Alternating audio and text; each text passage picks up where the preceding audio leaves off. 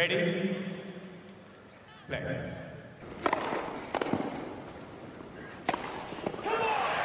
Merhabalar, Raket Servisi hoş geldiniz. Ben Gökalp. Ben Anıl merhaba. Evet, bugün teniste olimpiyat ateşini söndürüyoruz artık.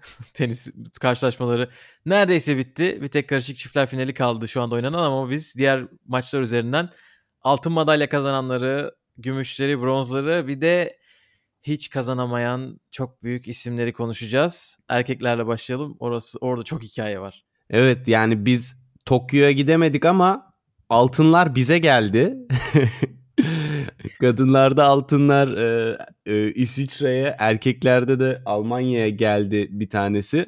Dolayısıyla yakında altına kavuşuyoruz ülkede. Ama evet. Evet. E, Rus Olimpiyat Komitesi birinci tamamlıyor madalya tablosunu. Bir altın iki gümüşle. Ama erkeklerde ve kadınlarda Almanya ve İsviçre altınları kaptılar. Zverev taze taze Haçanov'u finalde 6-3 6-1 sanırım değil mi? İkinci set skoru 6-3 evet, 6-1. 70 dakikada Yendi. bitti maç. Çok temiz maç oynadı. Bir Zverev konuşalım. Zverev üstünden bol bol Djokovic konuşacağız. Çünkü Djokovic aslında olimpiyatı izleme sebebimizdi biraz. Yegane sebepti. Çok fazla isim yok burada. Onun için Djokovic ne kadar yıldız se- seviyesinde olduğunu, tenis dışında ne kadar büyük bir figür olduğunu olimpiyat oyunlarında konuşmuştuk geçen bölüm. Ee, onun tabii Golden Slam hikayesini herkes bekliyordu. Altın madalyaya nispeten çok rahat bir şekilde gideceği konuşuluyor derken Zverev çok büyük bir sürpriz yaptı yarı finalde. Sonra o sürprizi final performansıyla da tamamladı. Sana Zverev ile ilgili pas atayım. İster Djokovic'den başla ister final maçından ama altın madalya kazanarak bana kalırsa kariyerinin şimdiye kadar en büyük başarısını elde etti. Sen ne dersin? Ee, katılıyorum. Yani şöyle ki turnuva katılımcı sayısının ya çekilme sayılarının yüksek olmasından dolayı hikayesi olan pek bir oyuncu yok ve turnuvanın biraz alt tarafı boşalmış gibiydi. Yani altı boşalmış. Özellikle ilk turlarda böyle aa açalım da izleyelim diyeceğimiz çok fazla böyle Grand Slam'lerdeki gibi bir şey göremedik. E, dolayısıyla e, Zverev'in e, gösterdiği performansta e, hani hiçbir şekilde ne yapacak acaba diye de çok bir heyecan uyanmadı. Çünkü hani ilk tur rakibi e, Taipei'li e, Lu ondan sonra ikinci turda işte Galan'la oynadı kendisi toprakçı. Neden buraya geldiğini ben de anlamadım. En azından tur geçti. Ee, sonra Bazilashvili belki de en riskli rakipti ama Bazilashvili de e, çok istikrarlı bir oyuncu değil. E, ve ondan sonra tablosu açıl yani çeyrek finalde Şardi ile oynadı. Hani çok büyük e, bir sıkıntı çıkması mümkün değil. Yani bütün maçlarını aslında çok kolay geçti ve ondan sonra müthiş bir seviye atlamasıyla bir anda karşısında Djokovic'i buldu. Ve Djokovic e, gerçekten turnuva boyunca hani tabiri caizse yürüyerek biraz e, Wimbledon'daki gibi yürüyerek altını alacak diye bir e, görüntü ortaya çıkardı. Çünkü yani rahat yenmediği hiçbir isim yok. İlk maçı 6-2 6-2 sonra Jan Lennart Struff'u 6-4 6-3 yine çok rahat bir maç oynadı. Davidovic Fokina maçtan önce Djokovic'in stresli olduğundan dem vurup sonra e, 6-3-6-1 kaybetti. sonra ev sahibi ülkenin e, göz bebeği Nishikori'ye sadece 2 oyun verdi. E, ve böyle bir şekilde 6-1 ilk seti aldı Zverev'e karşı. Bunda bana sorarsan hem Zverev'in seviye farkı var bir anda Djokovic ile karşılaşmak. İkincisi ise e, Djokovic'in oyunu Zverev'i çok fazla hataya zorladı. Yani ilk sette 13 tane e, forced error'ı vardı e, Zverev'in. Yani esasında Zverev'e e, maçı e, seti kaybettiren özellik kötü oynaması değil de Djokovic'in seviyesinin çok yukarıda olmasıydı. Gerçekten de çok iyi bir ilk set oynadı. Ve bir break'te öndeydi ikinci sette Gökalp. Oradan Evet. 1 6-1 ve ikinci sette bir break öndeyken Zverev tamamen başka bir moda geçti. Yani yaptığı her şey çalışmaya başladı ve Djokovic'in ona biraz açtığı e, deliği e, ucundan ışığı görüp orayı böyle yararak geçti adeta. Çünkü müthiş bir seviyeye çıktı oyunu. Yani e, hata sayıları azaldı, servisler akmaya başladı. Geri çizginin gerisinden çok iyi savunma yaptı. Fileye rahat, filede rahat işler çıkardı ve böyle böyle Zverev oynadıkça Djokovic'ten ciddi hatalar gelmeye başladı Gökalp. İlk sette e, Zverev'in hani bunun sinyallerini verdiğini görmek lazım. Hani 6-1 skoruna aldanmamak lazım. Çünkü çok güzel oynadığı sekanslar fazlasıyla vardı. Evet. Ama ikinci servis oyununda iki tane çok basit hata. Biri çift hata, biri smaç hatası yaptı. Öyle verdi. İkinci servis oyununda bir tane basit hata yaptı sanırım. Ama böyle Djokovic onu çok zorladı return oyunlarında ilk sette. Derin ve Onun hızlıydı dışında- returnleri Djokovic'in yani ve o kadar sık yapıyordu ki Zverev buna alışık değil. yani Evet, ama bir 220 de ile bir tarafı 230'da var. servis atan adam. Bir de Djokovic'in servislerini Zverev sürekli zorladı Djokovic. Hani ilk sette 6-1 bitti ama Djokovic her seferinde yani bir uzadı Break o gördü. servis oyunları. Tabii. Servis oyunları zorlandı. 30'u sürekli gördü Zverev. Öyle olunca zaten Zverev'in zaten seviyesi çok düşük değildi. Djokovic bir böyle gazdan ayağını çekse Zverev girecek gibiydi. Ama bence ikinci sette neler olduğunu açıklamak çok zor zaten. Çünkü Djokovic çok yani şalter kapattı 6-1-3-2'deyken. Özellikle o 3-2 oyununda o servis kırmasını izlerseniz galiba sıfıra karşı kırdırıyor. Zverev güzel oynuyor ama Djokovic Çok rahat yok kırdı. yani. Kortta yok. Yani birden Hareket etmiyor. Saçma sapan dört tane saçma sapan demeyeyim de kendisine göre özellikle Nishikori maçında şiir gibi oynadı Djokovic. Hani onlara kıyasla alakasız bir performans. Ben şeyi düşündüm. Acaba bir faktör şu olabilir mi? Bu adamın karşısındaki bir sürü oyuncu 6-1'den sonraki sette break oldu mu zaten düştü. Yani onu mu bekledi acaba Zverev'den? Hani kendi kendine düşüp gitmesini mi bekledi? O olmadı tabii. Zverev he- hemen onu kabul etti. 3-3 yaptı. 3-3 yapmakla kalmadı. Galiba 7 oyun kazandı arka arkaya. Evet. 3-0 öne geçti ikinci sette. Son sette pardon. O da Zverev'e yazar tabii ki yani mü- müthiş bir performans. Bu kadar servisinin çok iyi işlediğini ben gördüğümü hatırlamıyorum. Hani hiçbir maçta servis sıkıntısı yaşamadı. Zaten servis sıkıntısı biraz yaşasaydı herhalde bu altın gelmezdi. Ya Djokovic işin, maçında yaşamadı, Haçanov'da da yaşamadı. işin ilginç yanı hakikaten e, Djokovic'e karşı o ilk sette bahsettiğin e, çift hata haricinde e, dünyanın en iyi returncüsüne karşı oynamanın vermiş olduğu bir baskı vardır her zaman. Servisine e, daha çok risk atarak e, risk alarak a, atarsın ve ya bunların hiçbiri kafasına girmedi. Benim e, şaşırdığım e, taraf o oldu. Yani karşı taraftan Zverev'in oyununu e, çok servise dayalı e, mental yönünü kırabilecek her şey e, var ve ilk sette de oldu. Yani Zverev'in kırılması için mental olarak olabilecek her şey oldu ilk sette Gökalp. Ve Zverev kırılmadı. Hani e, şey gibi Medvedev Djokovic e, finalinin ilk setinde bir e, sekans olmuştu ve orada Medvedev kırılmıştı ve maç da öylece 3-0 bitmişti. Avustralya'da. efendim? Avustralya'da. Avustralya'da Avustralya'da. evet. Ve böyle bir birinci set yaşadık ve maç 5 set üzerinden değil 3 set üzerinden. Dolayısıyla çok daha rahat kırılabilirsin esasında. Ama e, özellikle Zverev'in kırılmaması, Djokovic'e karşı kırılmaması çünkü Djokovic e, kaza- oynadığı maçlarda ilk setini kazandığı maçların e, %96'sını kazanıyor. Yani böyle bir istatistik var ortada. Da, şu anda bir numara yanlış bilmiyorsam e, kazanma oranında e, maçı birinci seti Son kazandılar. 68 maçını kazanmış. 2019 Londra'da team'e kaybettiğinden beri ilk setini kazandığı maçları kaybetmemiş Djokovic. Ve böyle bir istatistik var ortada Gökalp. Ve Zverev oradan artık ben şöyle düşünüyorum.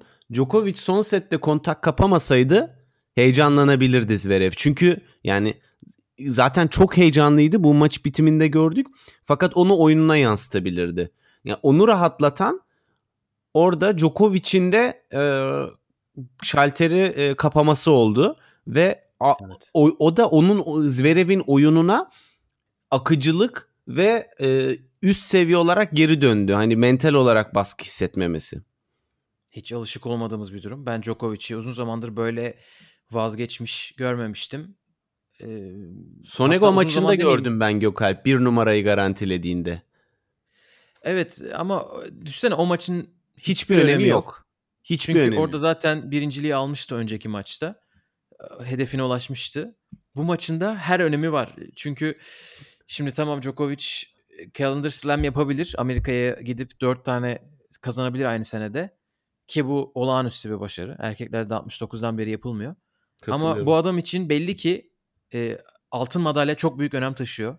Altın madalyaya bakın herhangi bir madalya. Sırbistan için bir madalya kazanması olimpiyatlarda çok büyük bir önem taşıyor.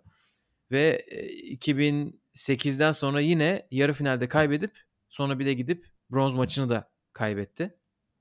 Pardon 2012'de bronz maçını da kaybetmişti. 2008'de bronzu kazanmıştı. Bir de bu kadar hani favori geldiği bir yerde altını göre almaması, madalya görememesi.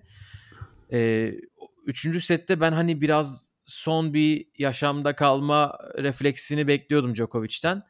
Hem Zverev göstermedi. Yani çok iyi servis attı ya. ya ben Zverev'in bu kadar iyi servis attığını hatırlamıyorum. Son sette attığı gibi. Zaten Djokovic de onu söylemiş. İnanılmaz servis attı. Ee, sürekli atak halindeydi. Ben bir de kendi ilk servislerimde hiç bedavadan puan kazanmadım son sette. Ee, hatta bir set bir break önde olduktan sonra e, demiş. Çok zor bir gün benim için diyor. E, ama bu seviyede bu kadar kaliteli bir insana karşı oynamak zaten her zaman çok zordur demiş. Bu arada Zverev de Djokovic'e maç sonu filede sarılırlarken sen hala gelmiş geçmiş en iyisin ve bu onu değiştiremez demiş. Zverev'den e, Federer'i üzecek bir açıklama. evet Zverev de şu anda e, altın madalyayı alıyor biz e, konuşurken. Bayağı duygusal anlar yaşıyor. Evet Djokovic maçını kazandıktan sonra da çok duygulanmıştı. Bu maçın şöyle bir önemi de oldu. Biliyorsunuz Golden Slam yapabilen tek kişi var. O da Alman. İşte işte Graf. Graf. Onun ünvanını korumasında tek kişi olarak kalmasında e, çok büyük emeği geçti. Ya bir Alexander Zverev'in. Bir Almanın rekorunu bir Alman korudu ee, ve muhtemelen bunun duygusal etkisi de çok fazla vardır. E, fakat Djokovic'i e, yenmek onun için çok büyük bir psikolojik eşik olmuş. E, Misha bunu bugün söyledi e, yayın sırasında. E, yani sert zeminde Djokovic'i yenmek zaten hani çok çok zor bir şey. Hani bunu ben hala düşünüyorum 5 set üzerinden maçı kazanma olasılığı çok daha düşük olurdu. 3 ee, set üzerinden iyi bir sekans yakaladı Zverev. Onu 5 3 set üst üste yapabilir miydi bu sekansı onu görmek e, gerekirdi. Fakat oyun olarak Zverev'in her şeyi çalıştığı zaman esasında e, Djokovic'in Djokovic'e baya ters bir oyunu da var Gökalp. Yani bu sene biliyorsun set de aldı Djokovic'ten ve e, düştüğü sekanslarda setlerini kaybetti. E, Djokovic'e karşı oynadığında. Yani iyi bir Zverev Djokovic'e karşı set kazanabiliyordu zaten. Bunu görüyorduk fakat bunu... Masters finali kazanmıştı. Ta 4 sene önce. O, o, o zamanki Zverev ama mental sorunları olmayan bir Zverev'di Gökalp. Hani ben işin istikrar tarafından şey yaptığım için, girdiğim için konuya ama ki haklısın. Ee, o da ne galibiyetti gerçekten. Daha Next Gen seviyesindeyken 21 yaşında ATP finallerini kazanmıştı ve hala Grand Slam'i yok. Dolayısıyla e, bakalım US Open'da bu oyununu devam ettirebilirse birçok şey olabilir. E, içeriden bir bilgi vereyim Gökalp. Yine Misha'dan gelen. E, Zverev bu turnuva boyunca telefonunu neredeyse tamamen kapalı tutmuş. Hiçbir şekilde sosyal medyaya vesaire bakmamış ve belki de onun mental olarak bu kadar odaklanmış olmasında bunun da etkisi vardır diye düşünüyorum. Sosyal medya vesaire bunlardaki e, yorumların hiçbirini görmediği, hiçbirine bakmadığı için e, bunun da etkisi olabilir. Evet, e, Instagram'ına attığı postları herhalde ajansı yapmıştır diye düşünüyorum. Çünkü zaten o sosyal medyasını kontrol etmesin başına gelenlerden evet. uzun bir süre. ama kesin etkisi vardır. Çünkü bambaşka bir Zverev olarak gördük onu. İstiyorsan bir de finali konuşalım. Sonra biraz Djokovic'e geri döneriz. Evet. E, finalde de Karen Hachanov'u ezdi geçti. Hachanov gayet iyi başlamıştı maça. Sonra Zverev böyle kalite farkım var benim gibi oynadı. Ve 6-3 6-1 ile kapattı. Bu arada Karen Hachanov'un meşhur Paris 2018 kupasından beri ilk finali. O zamandan beri final görememiş bu çocuk. Sonunda o da finale çıktı ve Rus Olimpik Komitesi'ne Rusya'ya bir madalya kazandırdı tek erkeklerde. Medvedev'in, Rublev'in, Rublev'in işte Karatsev'in hepsinin yerine Vesnina'nın. e, bu dördüncü erkek pozisyonuna düşmüştü. O ATP Cup'la Evet. gittiklerinde 3 numaraydı. Şimdi 4'e düştü Karatsev'in çıkışından sonra. Ben hala buradayım diyor ve gümüşü boynuna taktı. Ama Zverev e, finalde esti geçti gerçekten. Evet yani e, öncelikle hani turnuva boyunca da çok konuşuldu. Finalde de saati erkendi. Ondan bahsetmek lazım. Hava şartları e, maçın oynandığı alanda 35 dereceymiş sıcaklık ve hissedilen 36 dereceymiş. Yani bu şartlarda e, bu final oynandı ki bence izlediğimiz seviyeyi değerlendirirken bunu da üstüne eklemek gerekiyor. Çünkü gerçekten oyuncular açısından yani tenisçiler için yüksek sıcaklık ve nem hani mi- milimetrelerin işi değiştirdiği bir e, oyunda büyük bir sorun ve iki Evet. oyuncu da bunu bize e, çok fazla yansıtmadılar. Özellikle Zverev riskli vuruşlarında çok az hata yaparak ve çok iyi servis atarak ki ne kadar terliydi görüyorduk hani televizyonda da.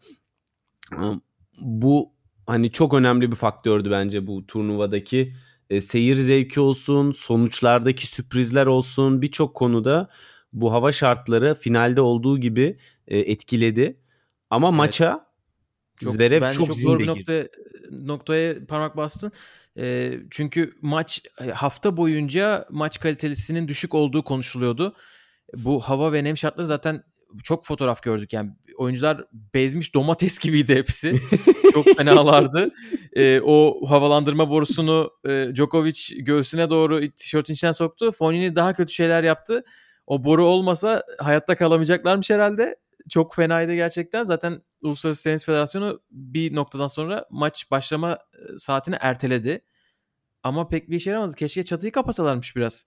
E, klimayı çalıştırıp. Çünkü Avustralya'da biliyorsunuz bu kadar yüksek sıcakta çatı kapatılabiliyor. Bench için dün e, ayağa gitti. Bu kadar yüksek nem ve sıcaklıkta su toplamaları olabiliyor. O onlara rağmen hani Zverev'in bu kadar da kaliteli oynaması bence iyi bir not oldu. Hani perspektif açısından. Evet ve hani burada tekrardan e, bu kararın ne kadar geciktiğini ve bu kararların bu kadar gecikmesinin aslında hiç de organizasyonel açıdan iyi bir sinyal olmadığını söyleyebiliriz. Ben hani tenis adına e, çok da böyle olumlu gördüğüm bir tarafı yoktu organizasyonun açıkçası planlama açısından vesaire. Oynansın ve bitsin gibi yapılmıştı. E, Evet hele o tam kapasite Wimbledon'dan sonra yine seyircisiz o noktaya dönmek üçüncü dalga geliyor hissi yarattı bende. Üzücü. Amerika'ya gidelim de bir gönlümüz şenlensin, gözümüz şenlensin şöyle. Amerikalılar e, şovdan maksimum verimi almak için oyuncuları gerekirse e, kırbaçlarlar ve o, seviyeyi yaşatırlar. Her Kortun şey her çizgisine için. klima koyabilirler. Her Yelleyebilirler. Özel yellemeciler falan. Aynen öyle. Erkekleri kapamadan önce istiyorsan bir bronz madalya kazanan Pablo Carreño Busta'yı konuşalım. Ya. Çünkü Bence Dünya bir ayrıca ve- kesinlikle. 1 ve 2 numarasını yendi. Evet. Hem Djokovic'i hem Medvedev'i yendi. Hamburg'da şampiyon olup buraya gelmişti, Tokyo'ya gelmişti. Medvedev onun için hayatının tenisini oynuyor bu arkadaş. Bakmayın buna bana dedi. Gerçekten de oynuyormuş. Çünkü bronz maçında Djokovic Zverev maçında olduğu gibi değildi. Gayet oynamış. Pablo Carreño maçı koparmış. Helal olsun. Ee, Pablo Carreño Busta kariyerinin özellikle ilk 3 senesinde veya 4 senesinde e, son derece ortalama ve vasat bir tenisçi olarak özellikle diğer İspanyolların yanında hep böyle e, geri planda e, görülen isimdi. Ve hani son 2 senedir gerçekten üstüne koyarak e, yani büyük bir kademe atladı. Esasında ve insanlar tabii hala e, Carreño'nun 4 sene önceki tenisini hatırlıyorlar biraz. Ve hani şunu unutmamak lazım. Ya Amerika açık yarı finaline geldi bu adam. Onun dışında da sert zeminde iyi sonuçları var. ve İki defa. Evet ve şu anda e, hakikaten son turnuvalarından e, ciddi başarılar elde etti. Yani istikrarı ve seviyesi şu anda iyi. Fakat e, hani en büyük etken belki de master seviyesinde ve devamlı bir şeyler yapmıyor oluşu böyle gidip gelmesi e, olabilir. Ancak e, yani hani Hamburg'u kazandı. Andal e, ondan sonra da şey Andalusya'yı kazandı bu sene. İki tane e, kupası var. Biri 250, biri 500. Yani e, dolayısıyla ikisi de e, şeyde toprakta ama sert zeminde yarı final görmüş bir isimden bahsediyoruz. Aynı turnuvada hem bir numarayı hem iki numarayı yenen e, çok az isim var ki bir tane isim var e, Pablo Carreño Busta haricinde. O da Andy Murray. Hem Djokovic'i hem Federer'i yenmişti altına giderken 2012'de yanlış hatırlamıyorsam. Onlar o zaman 1 ve 2 idi. Hani e, bu da esasında seviye olarak yukarıda olduğunu gösteriyor. Ki Medvedev'i belki biraz işte karambole gitti hava şartlarından vesaireden dolayı ama e, Medvedev'i de iki sette yenmek sert zeminde çok olağanüstü e, bir durum onun adına. Tabii Medvedev ki bir break öndeydi ikinci sette. evet ve hani şunu belirtmek lazım tabii ki bir yandan da Medvedev Fonini maçından sonra buradan benim ölüm çıkarsa sorumlusu kim dediği için turnuvadan da biraz bezmişti. Bu abartısız bu şekilde söyledi Medvedev bunu. İnanılmaz. ben burada Ama- ölürsem kim bununla hesabına verecek dedi. Ama hani buraya gelene kadar da gerçekten kolay bir yoldan geçmedi. Yani ilk turda ters bir adam olan Tennis Sandgren'le oynadı. Sonra Marin Cilic'i yendi 3 ilk setini kaybettiği maçta. Ve bu aralar son derece formda olan Dominik Köpfer'i 3. turda yendi. Sonra Medvedev'i yendi. Diye diye e, geldi sonra Haşanova yenildi. Acaba pili mi bitti yoksa o gün bir şeyler ters mi gitti? Bu hava şartlarında çünkü her şey olabiliyor. Ve Haşanov esasında e, bugün finalde gördüğümüzden çok daha iyi bir seviyede oynadı turnuva boyunca. Evet Hachanov da çok bence nispeten zor bir kura ile geldi buraya. Yani Ya, ama finalde za- maçında iyi oynamıştır diye tahmin ediyorum. Çünkü Hugo Amber maçı çok iyiydi. Hugo Amber Tsitsipas'ı çok güzel geçti. Hani Hugo Amber elemesi öncesinde Schwartzman ki Schwartzman sıkıntı yaratabilir. İlk set ilk turda Japon Nishioka. Japonlar tehlikelidir. Hani evde evlerinde Kesinlikle. oynuyorlar. Ee, yani evet bambaşka olabilirdi onun için turnuva. ya burada tekrardan bir hava şartlarına dönmem gerekiyor Gökalp. Çünkü Haşanov finalde e, hem Zverev hem Haşanov finalde e, raketlerinin tellerinden şikayetçilerdi. E, çünkü sıcaklık ve nem arttığı zaman tabii ki bu tele de yansıyor. Tel e, gevşiyor ve sanırım bu hız üretmekte sıkıntılar çekti Haşanov. Biraz da bu hava şartlarının rakete yansımasından dolayı gibi hissetti.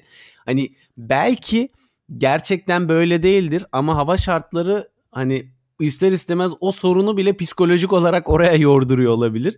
Çünkü Haşanov bugün e, yani görebildiğim kadarıyla önceki iki tur maçını izlemiştim Amber, Umber ve e, Carreño Busta maçlarını. E, oradakinin nereden baksan bir 5-10 kilometre altında ortalama vuruş hızına sahipti diyebilirim. Ve Olabilir. e, bunda hani başka hava şartlarının da cidden tekrardan faktörü var mı? E, ikisi birden tellerinden şikayetçi olunca e, bir acaba mı dedirtti. Yani her şey tenis oynamamaya çok elverişli bir ortam vardı. Ve nitekim bu uygunsuz oynadılar. ortamlardan e, genelde stabil stabil tarafıyla değil e, dengesiz tarafıyla bilinen Zverev'in altınla çıkması bence turnuvanın en büyük e, sürprizi oldu. Yani Zverev'in Evet. her şeyi en top noktasında bütün turnuva boyunca yapması beni şaşırttı. Çünkü Zverev'in bu seviyesini biz biliyoruz. Görüyoruz. Fakat bir set izliyoruz. 3 3 oyun izliyoruz. Grand Slam finalinde 2 set izliyoruz ama tıkanıyor. Ve burada bütün turnuva boyunca aynı şekilde ilerledi. Buna Djokovic'e karşı birinci seti de dahil. Evet. Ee, Pablo Carreño tarafında bir de yani o kadar fazla tebrik mesajı gördüm ki bu çocuk çok seviliyormuş. Hani bir, gerçekten bir takım ortamı var. Bütün İspanyollar işte Nadal'ından tutun Muguruza, David Ferrer, Carlos Alcaraz hepsi ayrı ayrı kutladılar. E, tam bir takım havası var. 2004 dışında modern dönemde tenisi madalyasız geçmemiş İspanya erkeklerde. Her seferinde almışlar. O e, geleneği devam ettirdi böylece bronzu alarak. Ki Djokovic'e karşı bunu yapmak gerçekten ekstra bir efor. Djokovic bu arada yarı final maçından sonra Zverev'e kaybettiğinden sonra duygusal olarak bitkin durumdayım demiş. Yani o ruh halinde tabii bronz maçına çıkmak. E, bir de arada karışık çiftler maçını da kaybettiler. Stojanovic'le beraber. Karatsev'le Vesnina'ya kaybetmişlerdi. İki tane mağlubiyet. Bir de bronz maçı mağlubiyeti. Zaten bronz maçının 3. setinin başında Djokovic'in artık bıkkın hallerini, raket fırlatmalarını da gördük. O yoktu uzun süredir. Tabii e, çok rahat geçmişti ilk turları. Çeyrek ilk 4 maçın özellikle hiç alakası yok. Yani ilk 4 maçıyla son 3 maçının arasında dağlar kadar fark var. Onu da söylemeden geçmeyelim. E, o tabii şöyle bitirmiş. Hani olimpiyat oyunlarında benim çok böyle kalbimi kıran e, mağlubiyetlerim oldu. E, bunlar hep böyle benim için çok önemli. Ama her seferinde daha güçlü döndüm. Gerçekten de çok böyle güçlü döndüğü zamanlar oldu Djokovic'in bu tarz yenilgilerden sonra. Ve Paris Olimpiyat oyunları için her şeyimi vereceğim tarzı bir şey söyleyerek son e, son e, basın toplantısında bitirmiş. Hani merak edenler varsa 2024 aklında şimdiden var.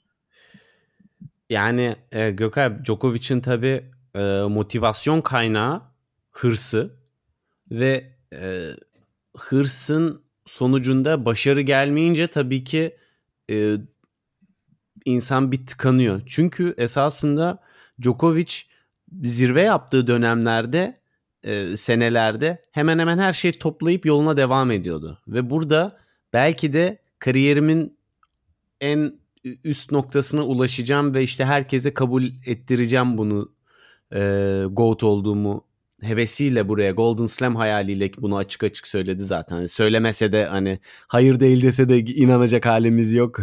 Ama e, o hırs seni e, motive ettiği zaman başarıyla ve başarısızlıkla başa çıkmak bir seviye daha zor oluyor. Hani e, çünkü ciddi bir boşluğa düşüyorsun oradan. Yani sırf bir şey için yapıyorsun her şeyi ve o şey olmuyor. O zaman mutluluğun da mutsuzluğun tek madalyaya e, bağlı oluyor. Ve hani bunun etkisini mental olarak hem karışık çiftler maçında hem e, bronz maçında ve eminim ki çevresindekiler kort dışında da görmüştür. E, çok üzgün, çok yıkılmış, çok bitkin haldeymiş e, ve hani e, söylenenlere göre Stojanovic'le de ciddi tartışmışlar. E, maça çıkmamalarının bir sebebi de oymuş. Hani omuz sakatlığı deniyor ama e, öyle de bir karışıklıklar varmış sanırım e, denilene göre ama hani net bir bilgi olmadığı için sadece dedikodudan ibaret. Fakat hani buradan kendini toparlayıp Amerika kıtasına geçiş yapıp oraya mental olarak odaklanması nasıl olacak merak ediyorum. E, bunu hani bir seviye US Open diskalifiyesinden sonraki Roland Garros e, serüvenine benzetiyorum. Çünkü hani oradaki bir diskalifiyeydi ama burada da yine benzer bir şok var. E, çok büyük şok içerisinde bu kadar açık bir tabloda hiçbir başka favorinin önüne çıkmadığı bir yerde bir underdog olarak Zverev karşısına geldi ve e, bu kadar elini kolunu sallayarak kazanması gerekir dediğimiz bir turnuvada altını alamamak yani altın altın tepside önüne sunuldu denilirken e, bu bununla yani bu şok tabii ki büyük. Çünkü çok herhalde hazırmış kafasında altına. Oradan nasıl geri dönecek merak ediyorum. En azından evet. zemin değiştirmeyecek. O bir avantaj. Yani şimdi çimden sert zemine geçmeyecek. Ama Tokyo genel olarak Djokovic için bir macera oldu. Evet kariyer Golden Slam'i yapma fırsatını elinden kaçırdı. Bir de tabii ki kariyerinde bütün slamleri kazanıp bir de olimpiyat altınını kazanan çok az oyuncu var. E, yanlış bakmıyorsam sadece 4 oyuncu var bunu yapabilen. Steffi Graf, Andre Agassi, Serena Williams ve Rafael Nadal. Bu dördünden başka kimse yapamadı. Tekler altınını kazanıp 4 Grand Slam'i kazanma. Ama Djokovic dediği gibi bunu Paris'te bir daha deneyecekmiş. İstiyorsan tek kadınlara geçelim buradan. Geçelim. Orada da hikayeler var. Djokovic kadar büyük hikaye tabii ki yoktu. Ama bir Naomi Osaka vardı orada. Meşaleyi yakmasıyla bütün tenis camiasını böyle bir coşkulandırmıştı. Ve beni o kadar coşkulandırdı ki ben ne zamandır maç oynamadığını falan filan unutup evet bu meşaleyle beraber o altın madalyayı alır düşüncesine kapıldım. Gelin görün ki hemen Marketa Ağzının payını aldım. Turda. Marketa Vondroshova'ya yani buradan gerçekten teşekkür ederim. Kendisi dünyanın dört bir yanına ağzının payını verdi birçok konuda. Ona e, ben Bastian Faşa'nın tweetinden gördüm ama Racket Magazine de ayrı bir yazı yazmış. Olympic Villain diyorlar. Olimpiyatın kötü karakteri çünkü buraya gelirken olimpiyatın çok değişik bir kuralını kullanıp iki sene önceki sakatlığından e, sıralama korumasıyla Karolina Muhova'yı e, saf dışı bırakmış ve dördüncü çek olarak gelmiş. Hadi Kiki Bertens'e son maçını oynatıyor ve emekliliğe yolluyor. Naomi Osaka'yı eliyor. Japonya'da meşaleyi yakmış insanı eliyor. Paola Badosa ile öyle bir maç oynuyor ki Badosa e, tekerlekli sandalye ile çıkıyor korttan ve Elina Svitolina'yı da eleyip onun balayını sonlandırıyor gibi bir tweet var Bastian Paşa'nın. Gerçekten bunu birkaç yerde yazdı. Vondroshova geldi geldi geldi. Altını da neredeyse alacaktı. Son sette öndeydi. Ee, öyle hatırlıyorum Bencic'e karşı. Bencic şampiyon oldu ama o da öyle bir hikaye. Naomi Osaka'da bu hengamede kayboldu gitti. Yani Vondrushova'nın bu seri başı e, oyununu bilmiyordum. Muhteşemmiş gerçekten. Yani insan hani diyorlar ya olimpiyatlar işte teniste şöyle önemli değil esasında falandı fişmandı. Kesinlikle değil Gökalp. Yani bunu bu sene tekrardan gördük. Hani buraya gelenler gerçekten olimpiyatları istedikleri için geldiler. Yoksa evet. Hani başta da dediğim gibi şartlar tenis oynamamaya son derece müsaitti. Hani bu şartlarda buraya geliyorsan gerçekten olimpiyatlara dair derin bir bağın var. Hani bunu Zverev'de gördük. Djokovic'in e, belki biraz bireysel hedefleri e, öne geçmiş olabilir. Ama e, Igor Swiatek elendiğindeki hüngür hüngür ağlaması, onun da tabii ailesi olimpiyatçı bir aileden geliyor. Onun da etkisi var ama birçok isim gördük Gökay. Burada belki de bir Grand Slam'de yenilmeyeceği kadar e, yenildiğindeki kadar daha fazla tepki veriyor. E, etkileniyor duygusal olarak. Hani 4 senede bir olması ve sadece 4 senede bir bir tane olması. Yani Grand Slam her sene var ve 4 kere oynanıyor. Hani bu açıdan da sanırım anlam ve önemi bu madalyanın her geçen gün artıyor. Evet bazı isimler için gerçekten çok daha fazla önemli olduğunu hissedebiliyorsunuz. Kayıplarından sonra gösterdikleri reaksiyonlar olsun. Bazıları zaten gelene kadar çok söylüyorlardı. Biz Tokyo'yu bekliyoruz. Hani bizim için çok önemli olimpiyatlar diye. Belinda Bencic bence bunlardan birisiydi. Olimpiyat deyince gerçekten Hı. kızın gözleri böyle çakmak çakmak parlıyor.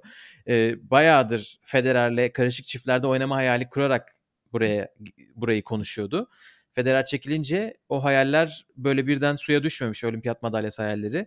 E, Golovic'le beraber çiftlerde finale çıktılar ki önemli maçlar kazandılar. Tek kadınlarda da seri başları elendi onun tarafında ama yine zor maçlar geçti. Krejcikova olması lazım. Pavlyuchenkova, Vondroshova. Hani bunlar kolay maçlar değil. Ne ki Krejcikova'ya karşı gelmesi... da ilk seti kaybetti. 6-1 gibi net bir skorla.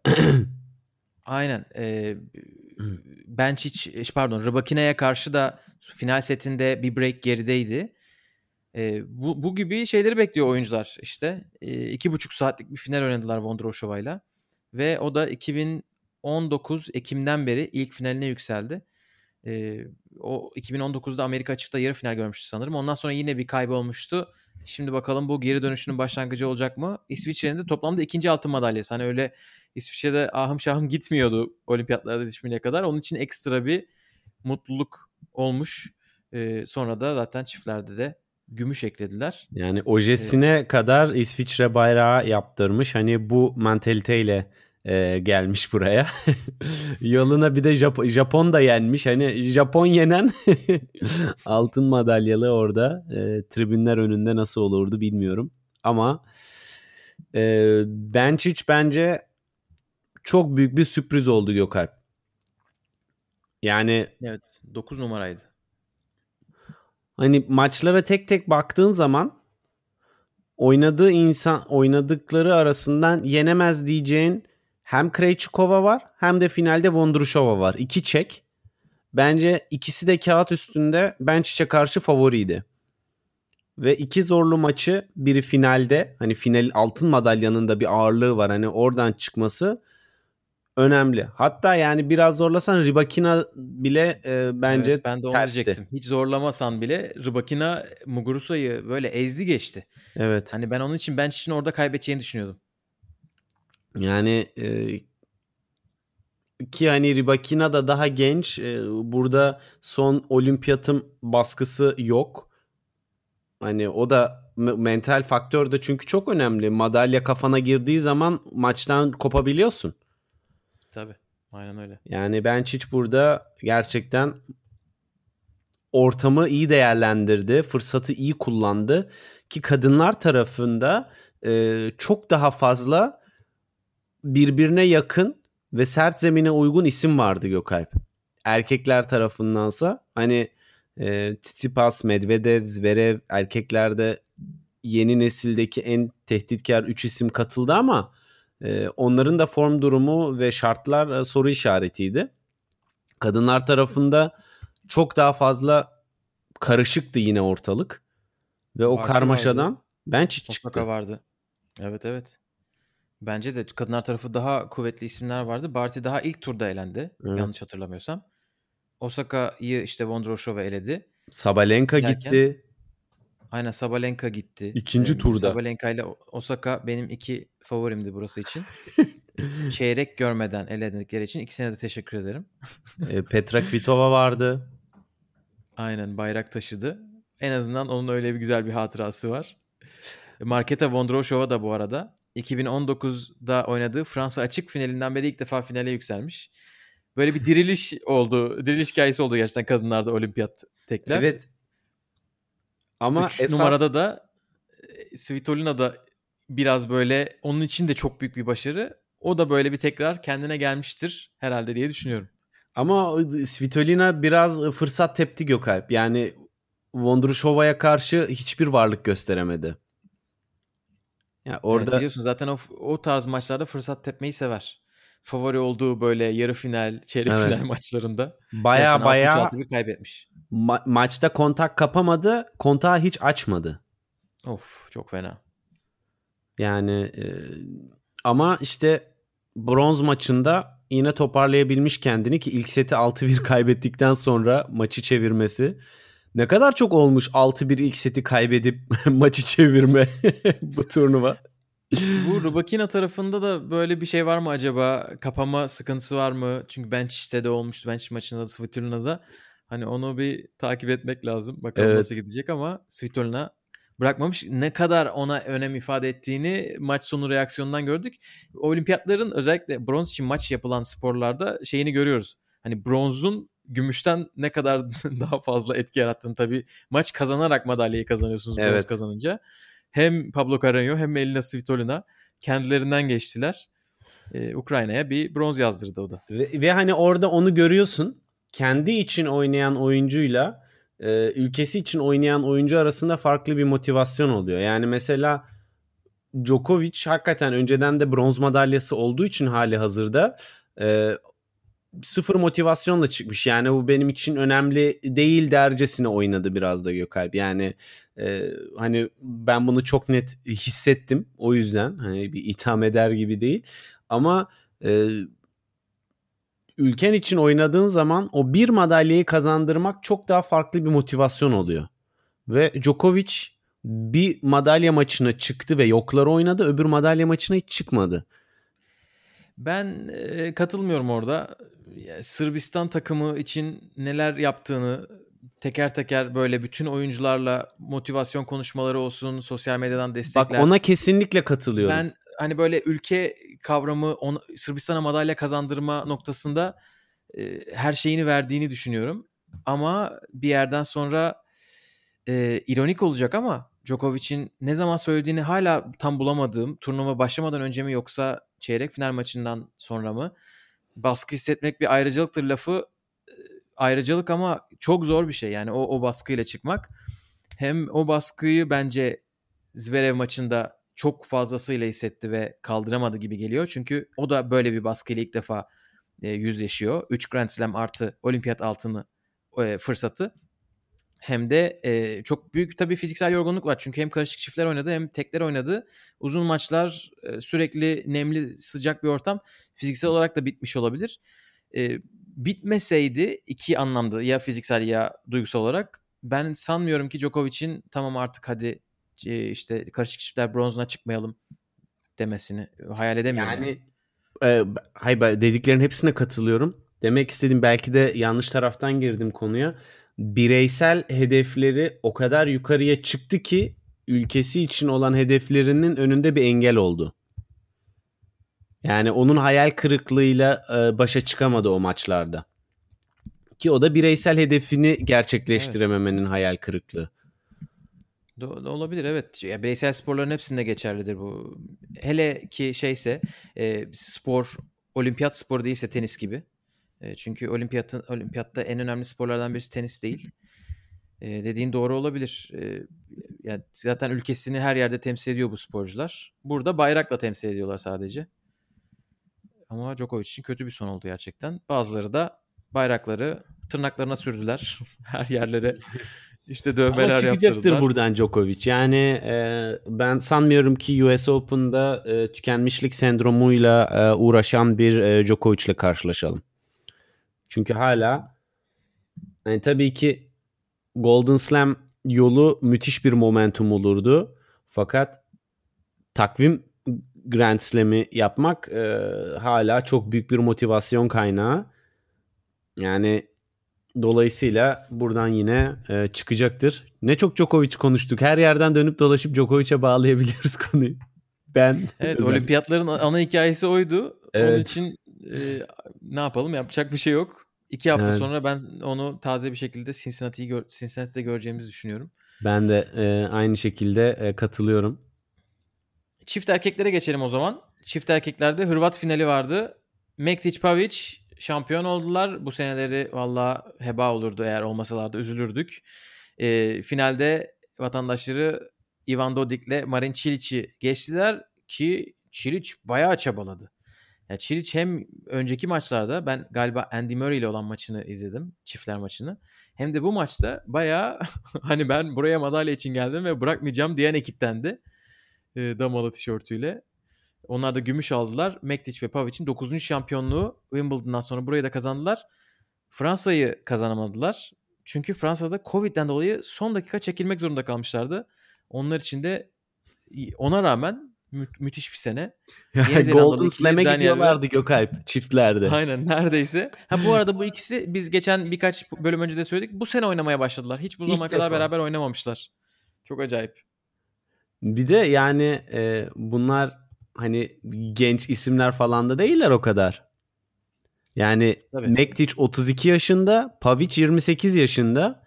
Hani 19 yaşına itibaren turda oynuyorsun desem hani aynı ülkeden iki ismin 9 sene sonra bir araya gelmesi ve böyle bir harmoni ortaya çıkması ve bunu bugüne kadar keşfedememeleri gerçekten ayrı bir ilginçlik oldu.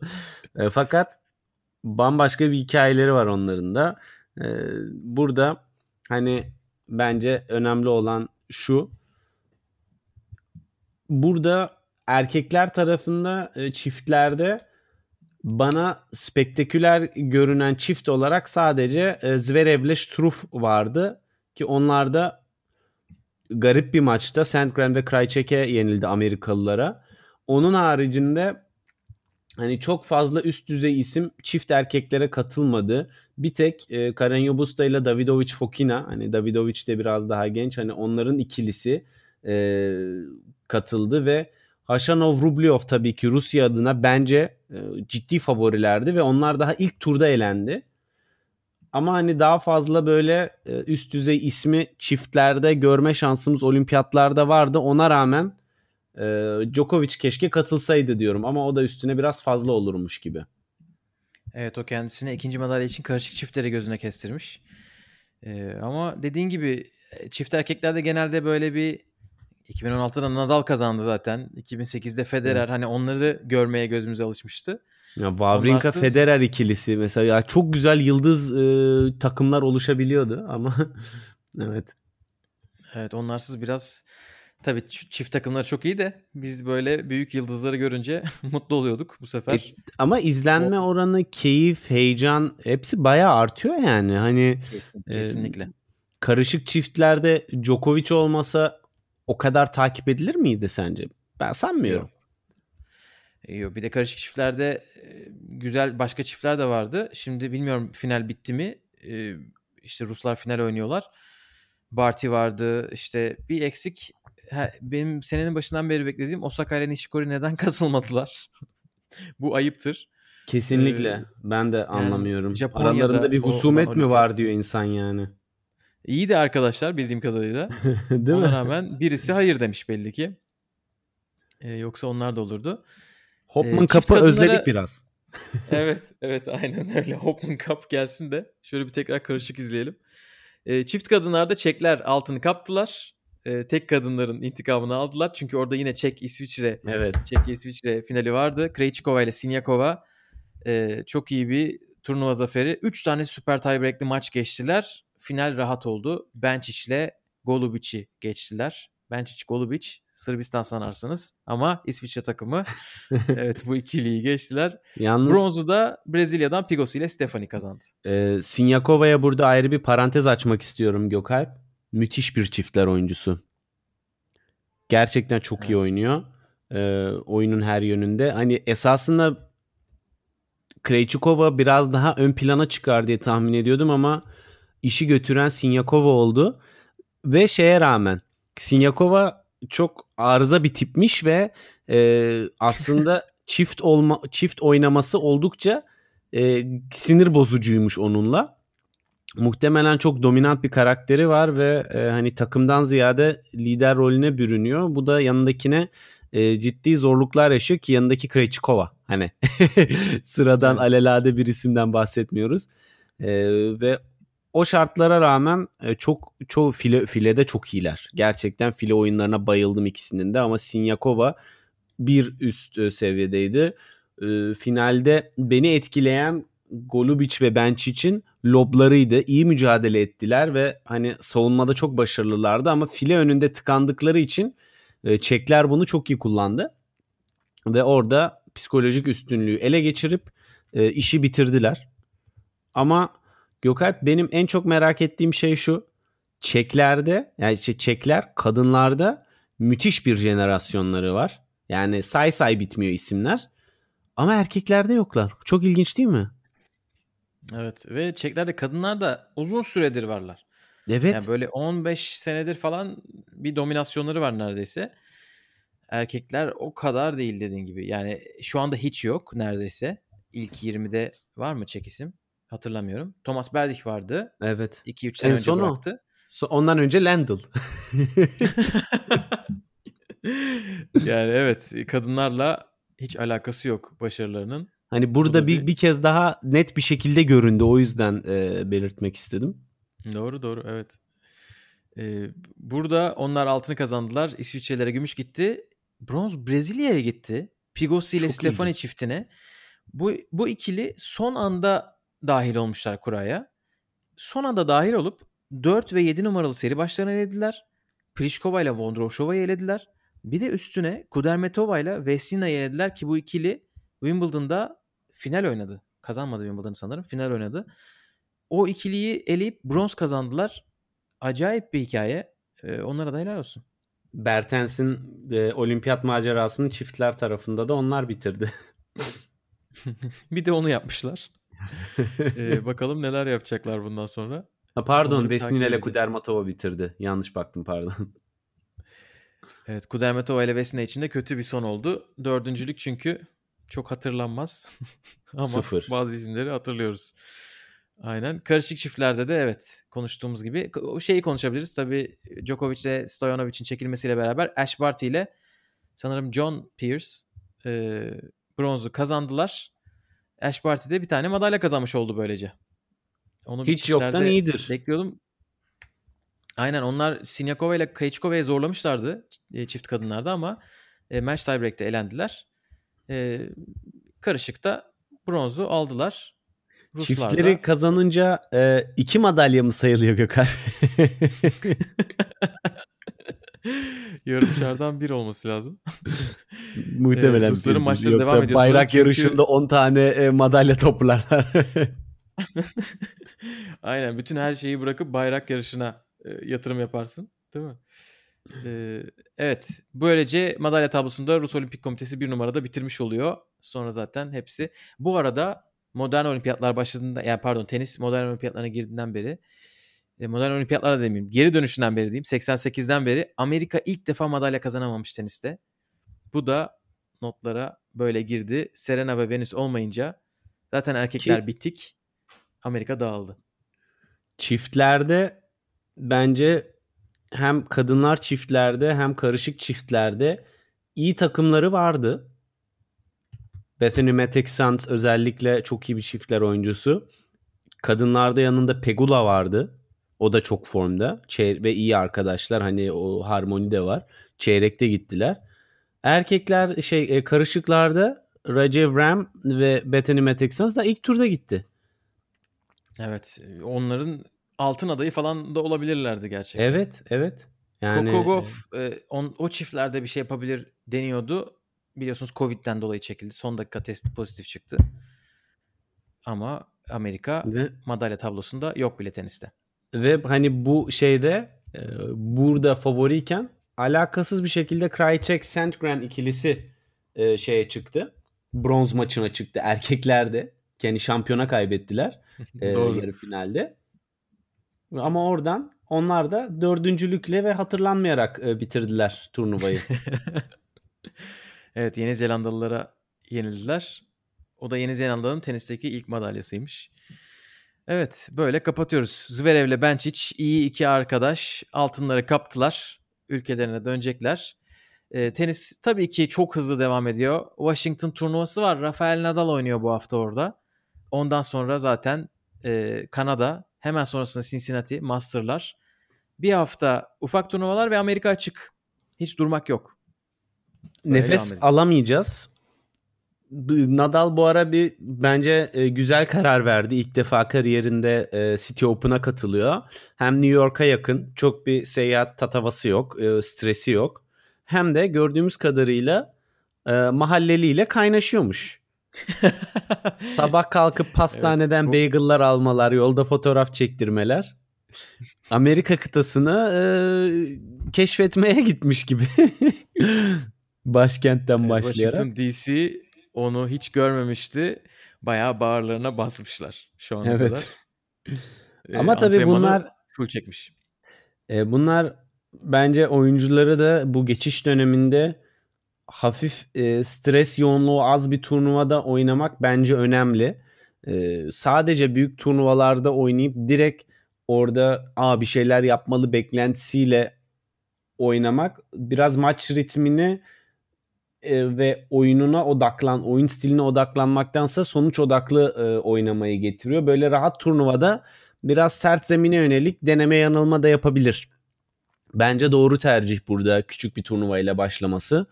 E, fiziksel noktada bir sıkıntısı var mı? Hani biliyorsun yarı finalde Djokovic'e kaybettikten sonra Tony amca e, bu konuda biraz e, ipuçları vermişti fiziksel olarak çok iyi değildi diye.